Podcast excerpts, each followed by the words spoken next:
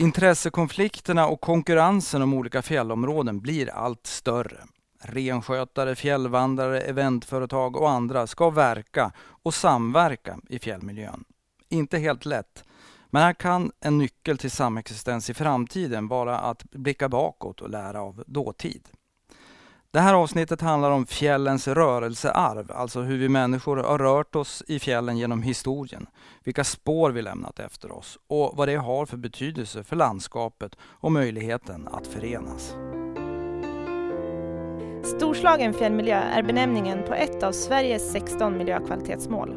Det är också namnet på den forskningssatsning som ska ge oss mer kunskap på vägen mot en hållbar utveckling och framtida förvaltning av de svenska fjällen. I forskningssatsningen ingår tio projekt med olika infallsvinklar som var och en kommer att presenteras och diskuteras i denna podcastserie.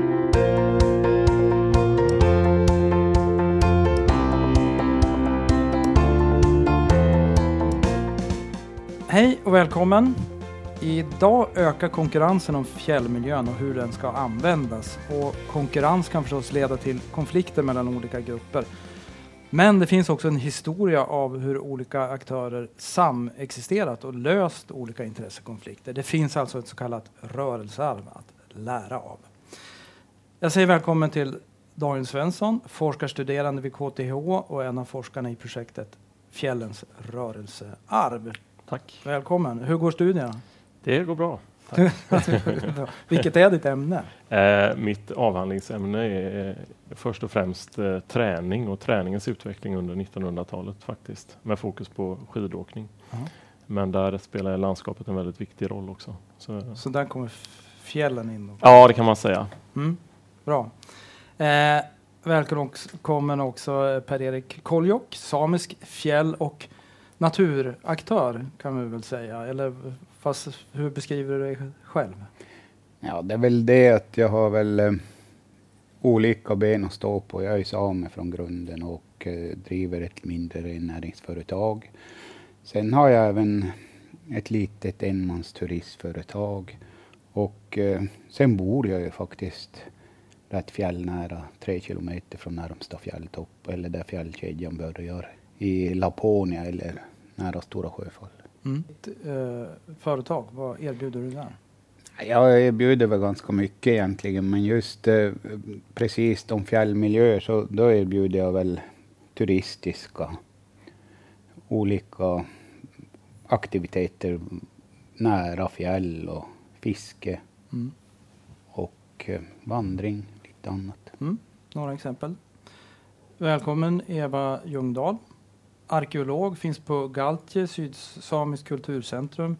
Men, men du, har, du, har, du har en annan bakgrund i fjällvärlden också som du väl kan beskriva? Mm, ja, jag har ju jobbat som arkeolog på Galtje i ungefär 15 år. Före dess så jobbade jag på Länsstyrelsen i Jämtlands län och fortfarande med samiska kulturmiljöer. Och dessförinnan så jobbade jag ett litet tag på Länsmuseet i Östersund. Fortfarande med samiska, med samisk arkeologi som vad, vad ditt uppdrag på, på Galtje nu, vad, vad, vad är det? Mitt, det jag har jobbat med mest det är att jag har inventerat och dokumenterat det samiska kulturlandskapet tillsammans med samebyarna på sydsamiskt område. Bra. Så att jag har varit mycket i fält och sett många kulturmiljöer. jag förstår, bra. Då har vi eh, koll på er. Eh, jag heter Thomas Hagström.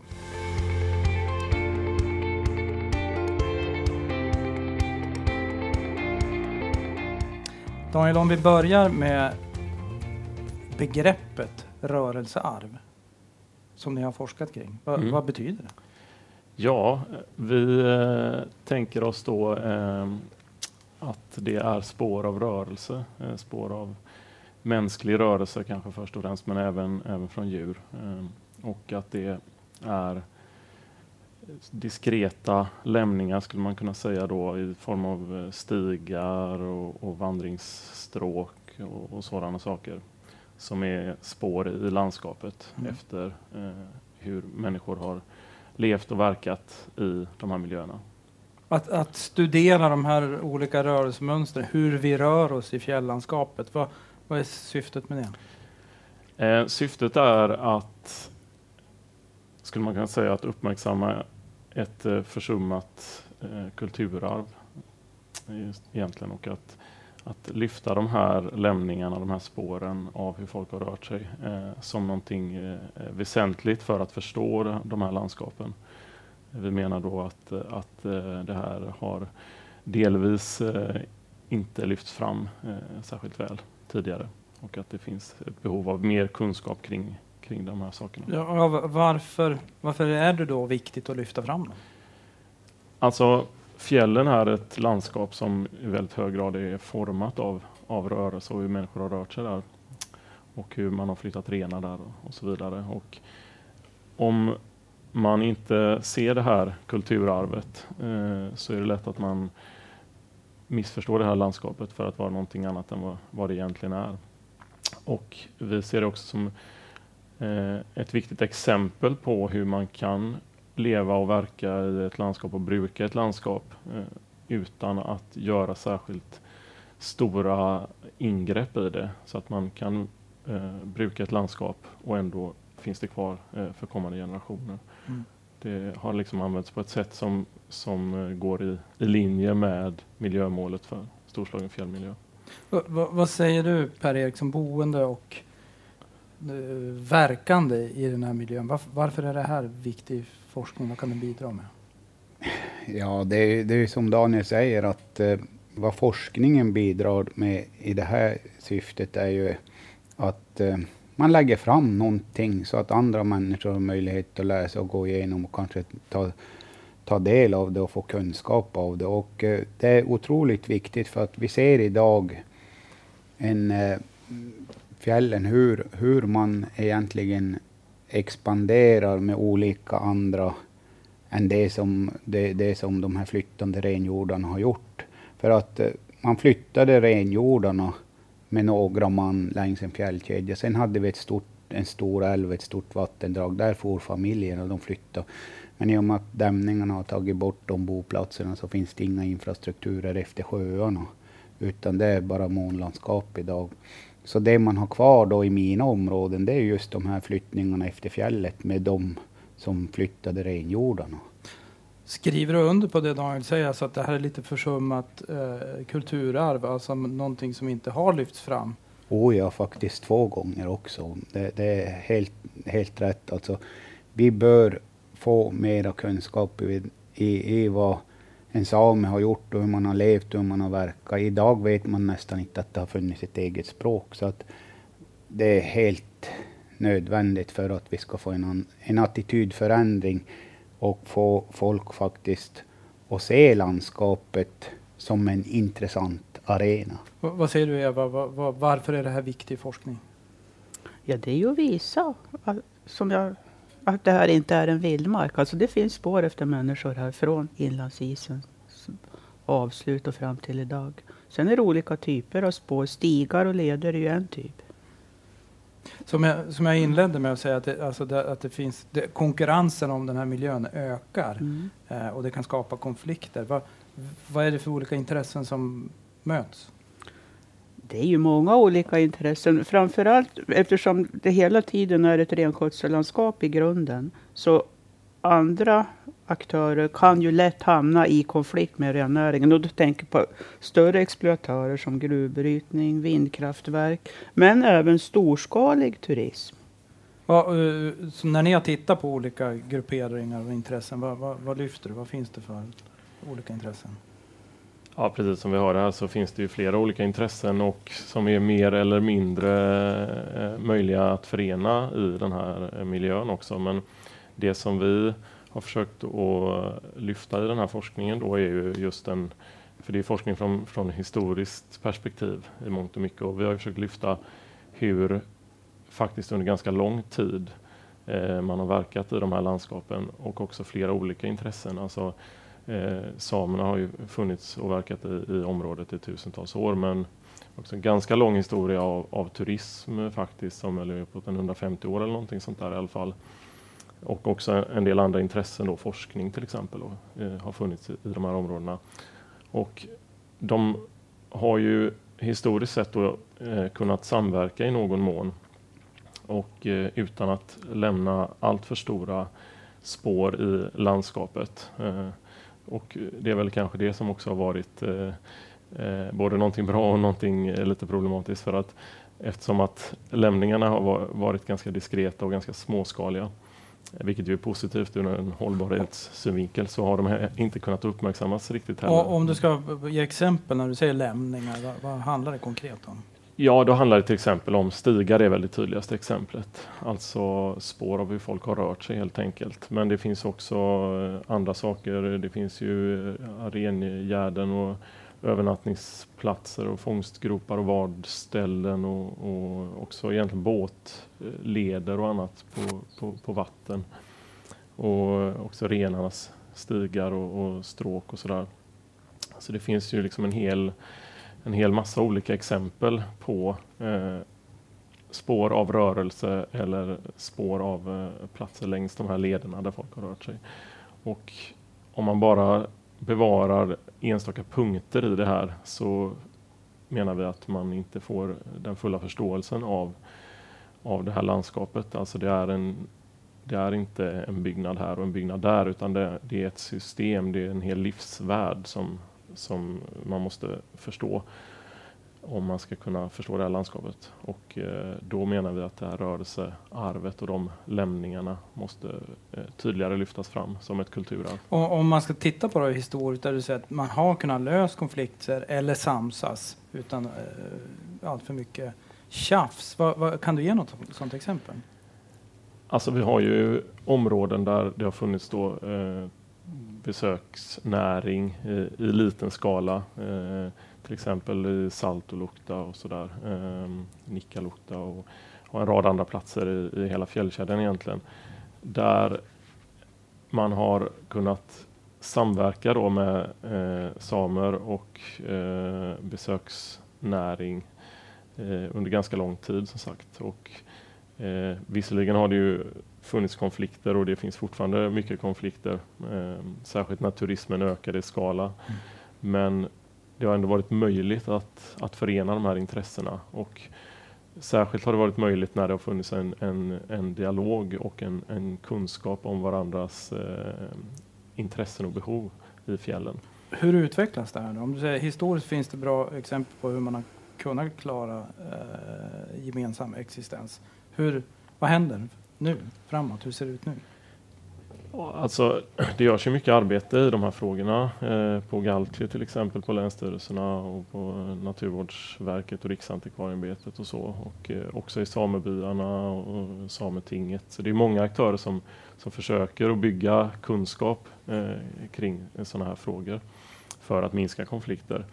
Vi tror just att att om man lyfter fram den här historiska dimensionen, att man pekar på att här, här har det faktiskt rent konkret fungerat att, att samverka i de här landskapen. Eh, och spåren efter eh, den här ganska breda floran av verksamheter är ändå så pass, så pass eh, småskaliga som de är. Så, eh, så tror vi att det kan bidra till att, eh, att främja hållbar utveckling mm. i fjällmiljön. Hur, hur, ser ni på det, Eva Per-Erik, alltså när det gäller utvecklingen av den här samexistensen? Hur ser du att det mm. utvecklas? Får jag bara säga en liten sak i anslutning till mm. det du sa om småskaliga verksamheter längre tillbaka. Det finns ju också en historia av att turismen långt tillbaka, sent 1800-tal, har trängt tillbaka rennäringen. Så tillvida att man har tagit de, platser som, de bästa platserna så att säga. Så att renskötseln har helt enkelt måste flytta på sig. Mm. Sådana har vi ju många i Jämtland, Härjedalen i alla fall. Jag vet inte hur ni har det. Sen turismen idag ser ju annorlunda ut. För att den tar ju större plats. Det blir inte så diskreta spår längre. Med cykling framförallt har vi ju mycket problem med. Varför är det ett problem? Därför att det, det blir så stora markskador. Det blir så stora erosionsskador. Mm. Mm, och det kan ju, precis som du säger så stigar och leder, de går ju ofta genom gamla visteplatser och gamla renvallar utan att folk känner till det. Och det blir ju väldigt, väldigt känsliga miljöer. Vi känner ju till otaliga ställen där stigar, turiststigarna går rätt igenom en kåtaplats till exempel. Och där turisterna då har eldat i själva, är alltså ja, mm. eldstaden, kåtan. Så, så, om det finns en historia av samexistens så, så tolkar jag dig som att den här konfliktytan ökar? generellt, men det är förstås på olika ställen i fjällkedjan. Jag Mm. pratar ju nu mest om västra Jämtland och västra Mm. Härjedalen där det är extremt mycket turism får vi väl lov att säga. Ja. Hur, vi flyttar upp till dig då Per-Erik. Hur ser du på utvecklingen? Jag ser ju, jag har ju inte den här, vi har ju inte en stor driften på, på det sättet, utan vi har ju andra stro, det, det är rörligt friluftsliv som är den stora, stora rovdriften i våra områden, för vi har fri, i princip fri skoterkörning förutom i nationalparkerna. Och eh, samebyns områden är till stora delar eh, fri skoterkörning och eh, vi har vissa husvagnscampingar i området så att eh, det påverkar otroligt den biten.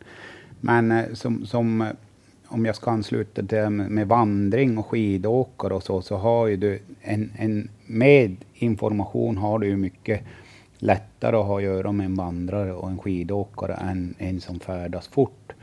För att eh, påverkan på rennäringen är mycket större. Nu är det väl kanske olika scenarier i det också, men jag, jag, jag känner ofta att där går det att samordna och där kan man faktiskt samarbeta och det, det, det brukar kunna styras till olika områden. Där är det lugnt och vi har ju även fjälljakt. Mm. Som, men ja, det, det är många, många som ska ha del en klyfta i apelsinen så att det, Mm. det är faktiskt eh, otroligt svårt att hitta genvägar.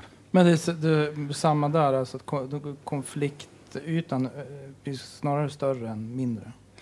Ja, Jag ser egentligen, jag ser aldrig, jag, jag, jag har svårt att se en konflikt, men jag, ser- jag ser att vi har svårlösta problem. Vi har svårt, det är svårigheter som vi ställs inför. Mm. Och har vi en konflikt, då, då är det olösligt. Det tror jag. Mm. Men har vi en svårighet, då kan vi samarbeta, då kan vi hitta en lösning. Mm. Så själva definitionen, en konflikt, jag har lite svårt. Det, det är en liten procent av människorna som har en konflikt. De flesta har en svårighet. Vi kallar det problem. Inte man- det heller. Jag tycker inte jag har inga problem. Jag har svårigheter. Ja, svår- svårigheter går att lösa. Ja. Ja. Eh, hur, hur, hur ser du Daniel att, att då, eh, forskningen bidrar till att lösa Per-Eriks svårigheter? Ehm, jag tycker ju då att om man har de här, som du säger, de som vandrar, de som åker skidor, de som rör sig i landskapet på ett sätt som eh, har en, en lång historisk förankring också, för det är så man har tagit sig fram. Man har färdats i landskapet på det sättet eh, under väldigt lång tid. Då finns det ju, som du säger, också förutsättningar att, att eh, informera och kanske styra eh, de besökarna på ett sätt som är hållbart i förening med, med rennäringen och sådär. Eh, och om forskningen då kan bidra till att lyfta fram sådana kunskaper om hur, hur har det sett ut historiskt i det här landskapet. Alltså en besökare som kommer till en plats vill ju, upplever jag i alla fall, gärna ha information och, om historien. Vad, vad har hänt på den här platsen? Vad är, vad är genuint här i det här området? Och eh, om man får reda på det så, så tror jag att man är ganska benägen också, i alla fall de flesta är benägna att, att eh, göra på ett sätt som, som är hållbart och, och har en historisk förankring så att säga. Så att man kan då med sån här kunskap eh, kanske styra besökare, undvika att de klampar in i, i viktiga betesområden till exempel. Och eh, jag tror att det är en väldigt stor andel av besökarna som eh, av de som idag råkar störa så att säga, i, störa renarna eller, eller på något annat sätt eh, orsaka skador i landskapet. De gör inte det av illvilja utan de gör det av okunskap. Mm. Och då tror jag att, att mer kunskap är, eh, en viktig del i lösningen. Hur har ni då gått tillväga när ni har eh, skaffat er kunskap kring det här? Går det att beskriva hur ni har jobbat? Ja, men det är väl klassisk eh, historisk forskningsmetod först och främst. Alltså, vi har läst eh, olika texter och tittat i arkiv och sådär, tittat på historiskt hur, vad finns det för beskrivningar av, av de här landskapen och också vad det finns för lämningar. Då. Nu är vi inte arkeologer men, men vi har ju haft, haft god hjälp av den arkeologiska kunskap som finns kring de här kulturmiljöerna. Då. Eh, men sen har vi också försökt att närma oss det här på ett lite annat sätt genom att göra intervjuer med olika aktörer i, i fjällen. Så renskötare och eh, turismentreprenörer och andra som finns och verkar i de här landskapen för att se vad tycker de är viktigt kring de här lämningarna. Alltså har det, no har det en betydelse för, för de som bor och verkar i de här områdena? Och det är vår absoluta uppfattning efter de intervjuerna att, att det har det. Det har väldigt stor betydelse. Det här rörelsearvet är någonting som, eh, som alla kan relatera till.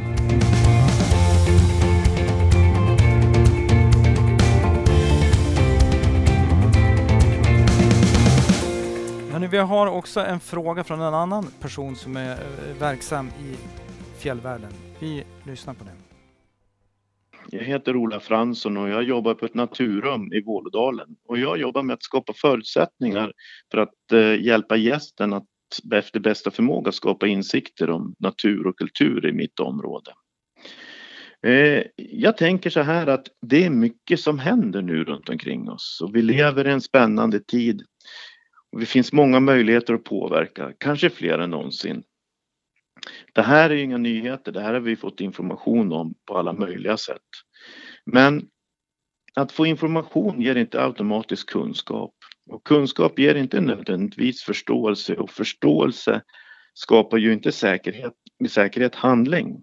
Tänk vad mycket bra som skulle kunna hända om det var så enkelt att det räckte med bra information för att skapa förändring. Och jag tror att nyckeln med att kunna skapa den här förändringen är kanske via att ändra attityder. Och det är det jag jobbar med främst. Och min fråga till er är, kan jag använda ert viktiga arbete i det här attitydsammanhanget? Och i så fall hur? Jo, men också har jag en till fråga. Eh, ert namn här, Diskreta monument i en hållbar fjällutveckling, är spännande. Men eh, jag undrar, hur kan monument vara diskreta? Eh, ska vi börja med bonusfrågan? Där? Eh, vad säger ni, kan monument vara diskreta? Vad säger Per-Erik? Ja, för mig kan det är helt säkert att de kan vara det. För att eh, man går på en e, sån enkel sak som en barktäkt där du tog bark från en tall. Och eh, då kan det ju bara ses som ett sår i ett träd, alltså något som har ramlat emot den och skavt av barken. Och eh, då har du olika förklaringar på en bark.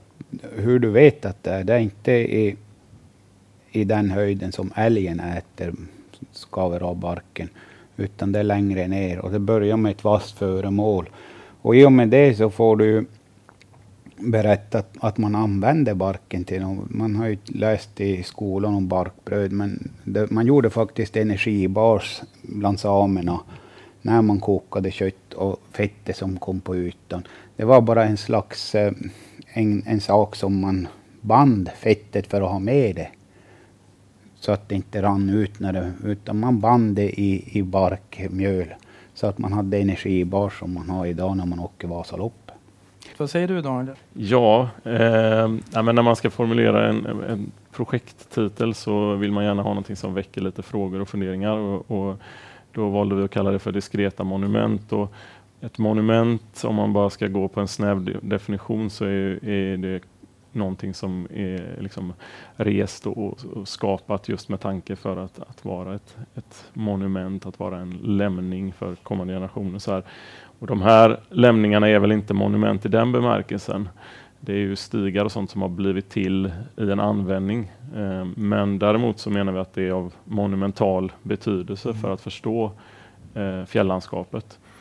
Och, eh, så det, det, är väl lite från det hållet som vi gick in i det här med monument. Och att de är diskreta då, det är ju just att de är småskaliga och tar inte så stor plats i landskapet och har också varit kanske lite svåra att upptäcka då, särskilt för de besökare som inte har, har Visuellt diskreta men, men betydelsefulla. Precis. Precis. Mm. De har haft en enorm betydelse i liksom, hur man förstår fjällen så att säga, mm. även om de är liten, små i fysisk form. Och ska vi gå till hans själva eh, huvudfrågan ändå. Kan han som naturrumsföreståndare använda forskningen. Va, va, vad säger du Daniel? Hur, hur, kan han konkret använda sig av det här? Ja men det är väl absolut, det är ju eh, ett bra exempel på någon som faktiskt kan använda det här och tycker att man kan till exempel göra med, med, dagens teknik som jag inte är någon eh, expert på, men man, man borde kunna göra interaktiva eh, kartor eller någon form av app eller någonting. Ska du också då beskriva Naturum? Va, va, vad är det för de som inte vet? Alltså det är väl eh, ja, en slags portal in i, i, i, landskapet eller naturen, alltså en, ett informationscentrum eh, som man kan få ta del av. Men som ofta är ganska högteknologiserat eller digitaliserat. Så. Det finns mycket teknik där. Eh, det gör det nog säkert, eh, i alla fall på de som jag har varit på. Eh, men, och jag tror att man kan, kan använda det där ännu mer kanske och, och för att bli mer relevant för, för dagens unga och så där, så kan man säkert göra olika typer av interaktiva lösningar för att, för att informera och lyfta fram det här eh, kulturarvet som vi pratar om här idag. Då. Mm. Vad, vad, säger du Eva, hur ska han konkret kunna använda? Ja, men med modern teknik, precis. Men jag förstår egentligen, för att vi får väl förutsätta att de här människorna som jobbar som föreståndare på ett naturhem är välutbildade och kan sina områden. Så rent konkret kanske jag inte riktigt kan säga. Men i allmänhet är det såklart så kan han ta till sig forskningen och föra den vidare. Mm. Eftersom han träffar så mycket folk. Men sen på vilket sätt han gör det eller hon gör det, det, det kan man diskutera. Ja, det vet han säkert uh, bättre än vad jag kan sitta här och säga. Jo, men precis. kan, kan du ge honom tips Per-Erik?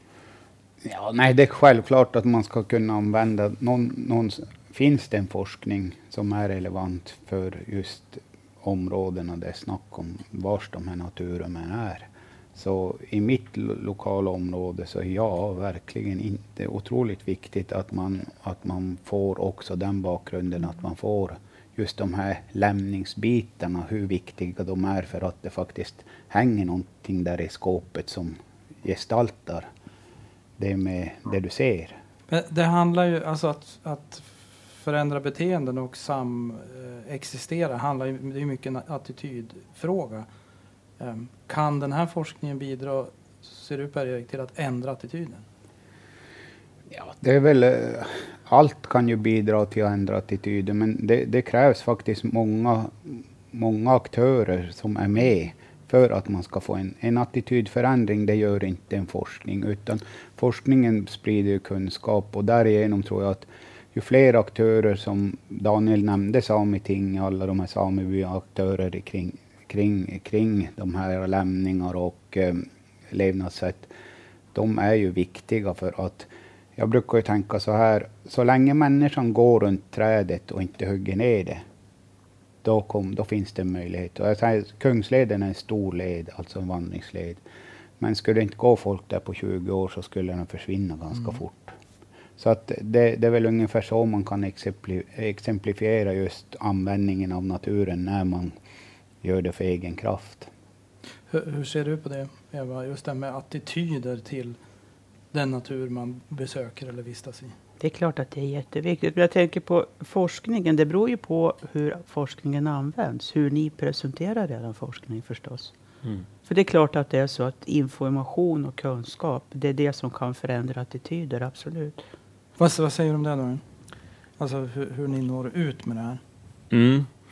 Det är ju en jätteviktig fråga för, för forskningen och vi har den så kallade tredje uppgiften då, som handlar just om att sprida resultat utanför forskarvärlden. Och det kan ju vara en svårighet men jag tycker det, den uppgiften är kanske den allra viktigaste för, för forskningen. Och särskilt när det är sån här forskning då som berör många människor. Och, alltså tanken är ju och förhoppningen är ju att vi ska kunna samverka med, med de aktörer som har möjlighet att informera eh, ute i de här olika landskapen. Vi, vi har ju inte den möjligheten på samma sätt kanske, men vi har ju en, en mängd aktörer som är verksamma där. Per-Erik eh, med sitt eh, företag till exempel och det finns, finns många liknande företag.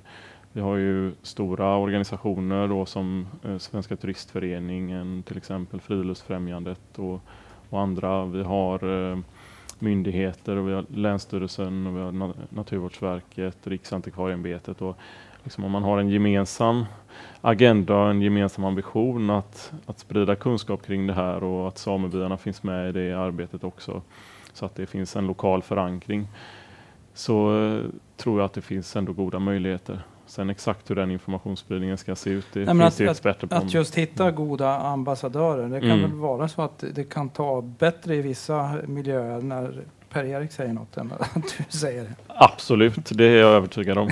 jag tror att, att det är helt avgörande att, att det upplevs som någonting genuint. Alltså ett informationsmaterial som man trycker och delar ut, det har ju, har ju sina poänger. Men, men om det ska gå från information till kunskap och till attitydförändring så tror jag att det är väldigt viktigt med den här lokala förankringen och att det finns människor som brinner för att, Mm. att förmedla den här kunskapen. Hur ser du dig själv som, alltså den här kunskapen som forskningen kan ge, är det någonting som du kan ha användning av i din, din ja, både liv och värv? Ja, jag vet inte, jag, jag har ju levt ett helt liv med en och varit en eldsjäl för att förmedla just det området jag bor i och faktiskt förmedla att det har funnits folk i de områdena ur minnestider, precis som, som Eva säger här. Att eh, det är ingen vildmark, utan man kan väl säga att det är en ödemark, men samtidigt är det ju en otrolig, ett, ett stort kulturområde och jag känner ju till dem och jag för ju mina grupper till sådana så att eh, det kan räcka med att jag går till en kallkälla där man har förvarat sina konserverade hjortron eh, i träkaggar och det för att de ska börja sätta igång funderingarna. Och från den träkaggen med hjortronsylt så kommer det ju, vem har använt den? Varför har han satt den där? Har de bott här nära? Ja, du, du bygger upp en infrastruktur kring den där träkaggen med bär. Och eh, så får du så mycket mer information. Och det är väl där som jag jobbar med mitt turistföretag för att väcka dem just på så enkla medel som möjligt. Jag, jag tycker inte att det är viktigt att de sätter sig på en kälke och åker fort med en härk runt en bana. Det är inte så viktigt för mig. Det är mera viktigt att jag får berätta om varför, hur arranstenarna ligger, varför det är syreinsläpp och allt det, hur elden fungerar. Då förstår de att jag har bott i den miljön så att jag kan återberätta varför stenarna ska ligga på det sättet. Varför jag vet jag kommer till en eldstad. Åt vilket håll dörren är, åt vilket håll kökssidan är. Och eh, samtidigt kan jag säga allt med eldstad haft ett tak. Enkla små medel som sätter igång en fundering hos en människa. Och då, då blir du, oftast där du vet ger du, du vill veta mera. Så bygger du vidare på det själv på egen hand.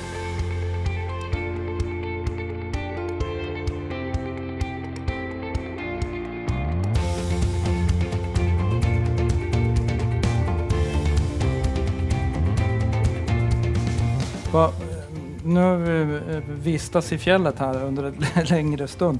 Men inte riktigt koll, förutom kanske med dig Per-Erik, vad ni själva är för fjällmänniskor och har för liksom relation till fjällen. Inte bara yrkesmässigt. Vad säger du Daniel? Jag hör ju på dialekten att du, du eh, kommer inte ursprungligen från fjällmiljö i alla fall. Nej, det gör jag inte. Nej, jag bor eh, på landsbygden utanför Göteborg. Och eh, jag har ju länge varit intresserad av, av fjällmiljön och har va- vandrat i fjällen och åkt skidor och sådär. Så eh, det är väl mycket därifrån, från friluftsliv och så. Men för mig så är liksom fjällen är ett, ett av flera väldigt eh, vackra och intressanta landskap. Eh, så att eh, skogen är för mig också väldigt Mm. viktig. Har du, någon, har du något eh, smultronställe i fjällen? Det kanske inte finns smultron där. Hjortronställe kanske. Ja. Nej men eh, det fi- finns ju väldigt många fina platser men eh, jag gillar Vålådalen. Mm. Eva? Eh, Jag jobbar ju som sagt i fjäll, så det gör jag ju därför att fjällandskapet är det landskap som jag känner att jag hör hemma i. Jag har bott i Östersund hela livet, men jag är delvis också uppvuxen i en fjällstuga i Oviksfjällen sedan jag var liten flicka. Så jag har nog med mig det där. Det är liksom där jag... Om du ska tipsa någon, så här, eh, mig till exempel. Ta, gör ett besök. Vad ska jag göra då? Det beror på vad du vill uppleva. Eh, För fjällen det kan ju vara- storslagna vill jag uppleva. Miljömålet. ja, just det. Ja, men då ska du ju ta dig utanför de stor, stora lederna. Om du vill uppleva just den där storslagenheten. Men då måste Men- jag ha med mig kunskap och rätt attityd. Ja, eller, ja precis. Mm. Så att du ska, måste ju först söka kunskap. Och då, var söker du den kunskapen? Mm. Det, Mm. det är inte självklart. Vad får jag för tips från dig Per-Erik? Ja, nej, det finns eh, kulturmark mellan... Jag gör det inte så invecklat, utan jag har ett konkret exempel. Och eh, Det ligger i gränsen på norsk sida där, där mina förfäder vistades. Det hette en plats som hette Björntoppen, Björnatjokko, som jag forskade i när jag var 14. Upptäckte jag det där första gången jag var samlare ren. Då frågade jag varför den högalpina toppen där hette Björnatjokko. Det kan ju inte ha funnits björn där liksom. Och eh, 30 år senare då får jag ett svar. Kom jag vandrande som representant vid invigen en ny led. Rad, gränsleden Radjepalke som går mellan Tysfjord och eh, Ritsemjokk. Då ser jag i en sänka flata stenar som ligger här. Normalt kallas det för en samisk toalett. Men nu var det så många så det var ganska speciellt. Jag tänkte varför är det 20 stenar här? Då började jag se mig omkring. Då ser jag svaret som jag frågade för 30 år sedan. Ett stort flyttblock som ser ut som en björn, exakt stort svart flyttblock, tittar mot toppen och tårarna börjar trilla.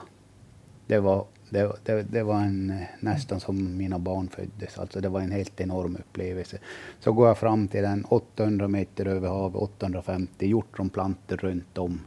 Varför? Jo, det är en människa som har satt dit dem. Hur har de kunnat gro? Jo, stenen är svart och drar solenergi. Jag fick en hel story av dem. Den väntan jag hade. Så den platsen är, men då ska du få med mig. Ja, precis. det, det låter så. Ja. Jag, jag, jag tror inte jag åker dit ensam. Jag tror du kan bidra till upplevelsen. Säkert. Om man, om man för en stund bara flyttar tanken till en annan miljö. Ser du att den här typen av forskning eh, skulle kunna tillämpas på and, i andra miljöer? Hur ser du på det? Absolut. Eh, det här tycker jag är ett, eh, ett koncept, eller vad man nu ska säga, det här med rörelsearv som har, har stor potential att, att användas i andra områden också.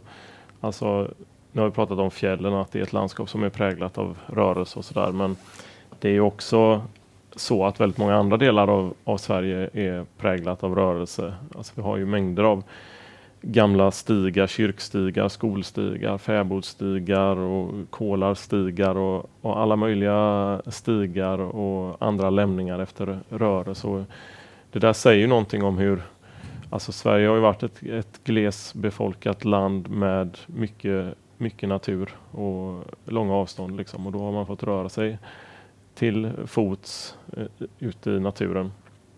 Och arvet efter det det rörelsearvet eh, är ju en väsentlig del av vår kulturhistoria. Och eh, då tycker jag att man även i andra områden än fjällen skulle behöva titta på det här närmare. Och en viktig del i den här forskningen, eh, apropå begrepp och, och, eh, och, att det kan bli ordklyveri och sånt där som vi var inne på tidigare, så tycker jag att det här är ändå någonting viktigt, alltså att sätta ett begrepp på någonting, att kalla någonting för ett kulturarv och ett rörelsearv, det är ju en slags kulturarv. Då bidrar man också till att, att artikulera det som ett kulturarv, att höja statusen på det. För det här är ju lämningar som, som hamnar väldigt långt ner på prioriteringslistan i, i konflikt med andra intressen då som skogsbruk eller gruvnäring eller vad det nu kan vara. Bostadsbyggande för den delen. Och jag tror att man behöver värdera det här på ett annat sätt. Och det tror jag att, att, man, att det nästan automatiskt blir så om man lyfter fram det som ett kulturarv. Mm. Va, va, va, då, då är vi ju inne liksom och blickar lite framåt. Va, vad ser du framåt? Vad skulle behöva göras för att utveckla det här om vi håller oss kvar eller flyttar tillbaks till fjällen? Vad skulle vi behöva utveckla?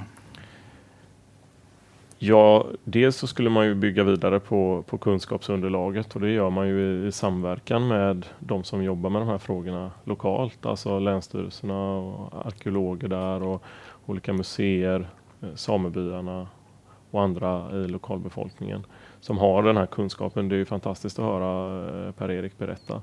Det är ju typexempel på det vi menar att man ska lyfta fram. Så alltså det där är ju ett, den kunskapen är ju ett kulturarv som bör lyftas fram på ett mycket tydligare sätt. Så att dels bredda kunskapsunderlaget, fortsätta jobba med det. Men också då titta på hur man kan förmedla det. Och, och där är ju eh, Riksantikvarieämbetet till exempel då, som var med och finansierade vårt projekt är ju viktiga där, Naturvårdsverket och Länsstyrelserna, de som, som liksom har ett förvaltningsansvar för de här områdena. Eh, att de kanske ska lyfta den här, eh, det här begreppet rörelsearv. Mm. För våran upplevelse när vi har varit ute i fjällen och pratat med folk är ju att att folk intuitivt förstår vad, vad, man syftar på när man säger rörelsearv. Det kanske inte är självklart för alla men just i de här områdena så är, är det nog så att de flesta har en relation till det här. Att, eh, vi ser stor potential i, i det här begreppet och att liksom, addera de här lämningarna till kulturarvet. Mm. Vad, va, vad ser du, va, eh, en förlängning, fortsättning, vad skulle du se, vilja att fokus låg någonstans? Ja, det är, jag, jag tror att eh, det viktigaste egentligen det är faktiskt att få en attitydförändring. För då kommer, eh, har man ögonen, då, då öppnas ögonen. Alltså med attitydförändring, att eh, jag, jag representerar en folkgrupp som inte räknas som urbefolkning och ändå frågar man mig och ja, vad, hur gjorde ni det och det och det. Och så det, där har man ju lite grann bara en, en acceptans att det är faktiskt så här. Det är så här det ligger till. De här människorna har varit här. Så vad är problemet? Liksom? Då kan man få en attitydförändring och då kan man förlänga de här kunskaperna med att bygga på forskningen ytterligare och gå in i ännu mindre detaljer och göra olika eh, ja, forskningar på det. Då. Mm. Så att eh, självklart ja. Vad, vad säger Eva? Hur ser en förlängning ut? Nej, jag tänker på att de här stigarna och lederna som vi pratar om. Varför finns de? De leder ju mellan olika punkter. Och det är ju inte så att man liksom bara har gått för nöjes skull, utan man har ju haft anledning att gå. Och det innebär ju att längs de här stigarna och lederna så finns det ju med största sannolikhet en massa andra lämningar. Att man, att man lyfter fram så att man förstår sammanhanget, förstår hur det här hänger ihop. Och då tänker jag fra, framförallt då på de samiska lämningarna, men även lite andra typer av lämningar också. Och då pratar vi om fornkulturlämningar. Mm. Så att man förstår hur det hänger ihop, att det inte liksom är enstaka det är inte bara en enstaka grop och en enstaka härd, utan det hänger ihop. Att ytterligare tydliggöra ja, att den sammanhanget. Här, precis, den här stigen har fört mellan de här platserna. Den finns här av en anledning. Och det tolkar jag dig Daniel som att det är precis det ni över, alltså att förstå det här sammanhanget och att de här lämningarna hör ihop och har något syfte. Ja, verkligen. Alltså det är ju, det är en livsvärld som, som man vill på något sätt förmedla kunskap om här eh, och inte att det blir så fragmentiserat med mm. olika enstaka byggnader eller vad det nu kan vara. Mm. Så det eh, instämmer helt i, i det du säger här. Eh, Per-Eriks svarta björnsten där, är det ett diskret monument? Ja, det skulle jag säga. Och eh, ett som, som är i princip omöjligt att, att förstå mm. betydelsen av utan just den kunskapen som Per-Erik besitter. Då. Så att, och den kunskapen, det är också en aspekt av det här tycker jag att tidigare så kanske man traderade den här typen av kunskaper eh, på ett annat sätt muntligen liksom mellan generationer. Alltså det överfördes naturligt i, i samtalet mellan generationer i lokalsamhället. Eh, och det här gäller inte bara fjällen utan, utan hela landet så att säga kunskapen om eh, stigen där ens eh, morfar gick som ung kanske. Och så där. Alltså det, det förmedlas inte på samma sätt idag upplever jag. Och då genom att, att lyfta det på det här sättet då, att liksom samla kunskapen och, och, och artikulera det som ett kulturarv så, så bidrar man också till att stärka bevarandet av lokal traditionell kunskap. Man brukar prata om tyst kunskap, liksom kunskap som inte är, är ned, nedtecknad så att säga. Då bidrar man till bevarandet av den och då också till att stärka den lokala identiteten. Och det tror jag är väldigt, väldigt viktigt om vi ska kunna utvecklas som samhälle och, och, särskilt i en hållbar riktning så tror jag att just de här, just där kunskaperna om hur man har levat hållbart historiskt sett är extremt viktiga. Det är också en dimension i det här rörelsearvet. Mm. Nu har ju den här podden bidragit till att eh, sätta ord på den här kunskapen i alla fall. Så det, är inte, det är inte längre tyst kunskap kan man. Det är bra.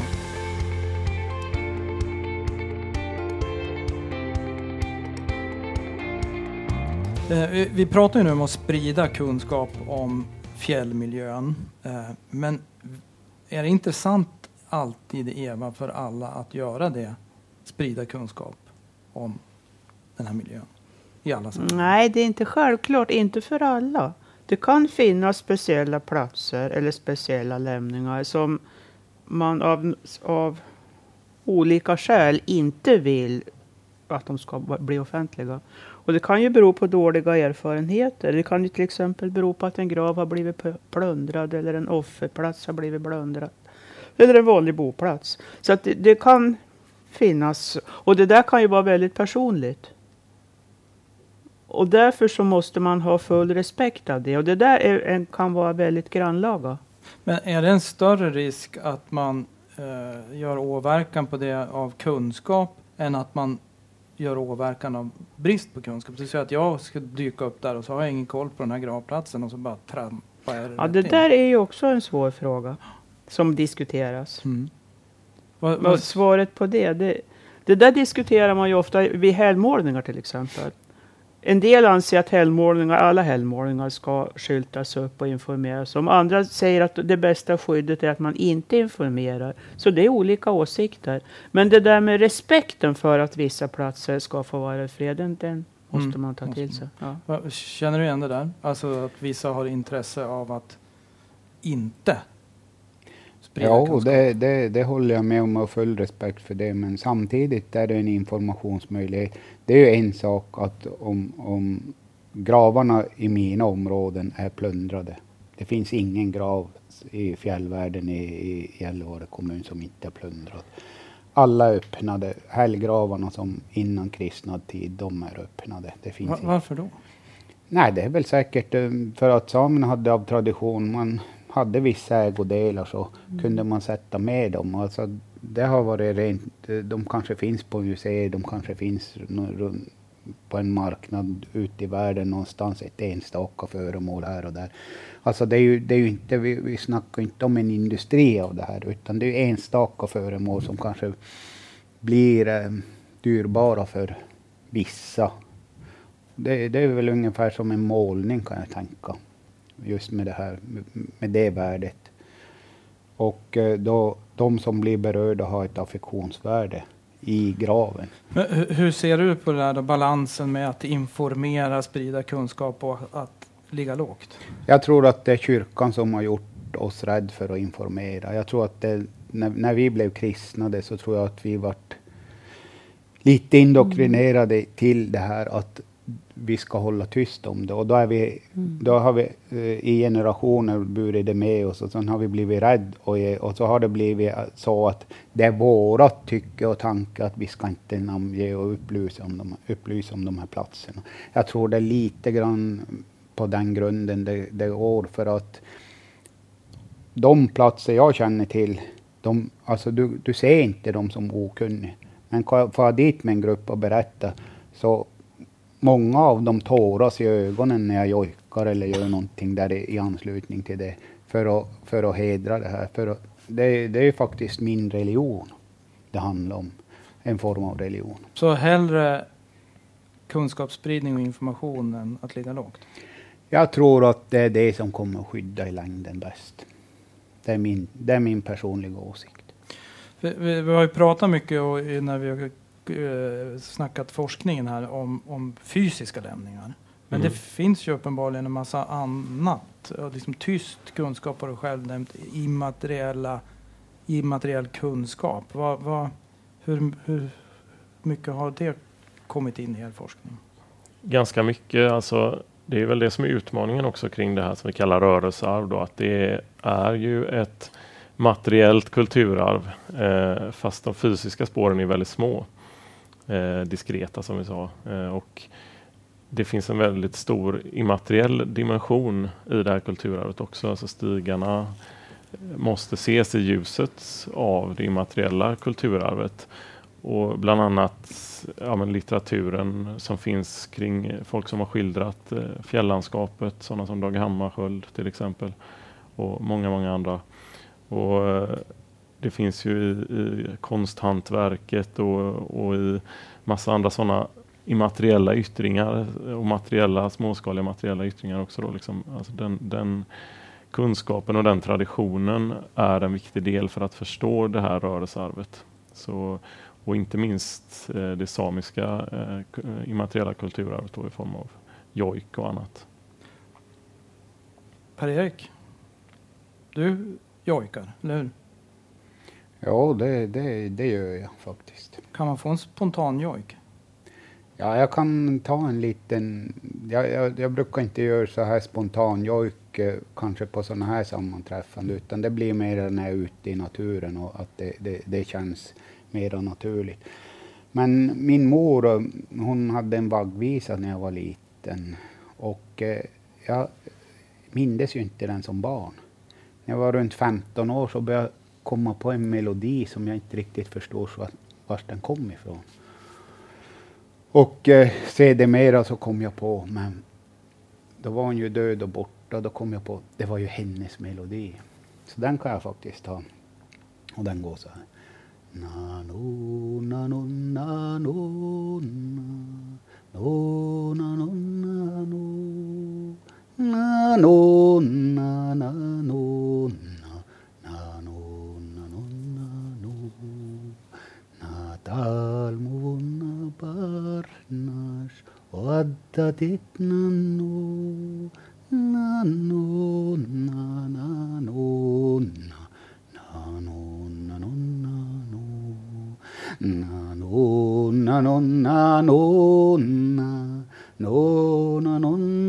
no na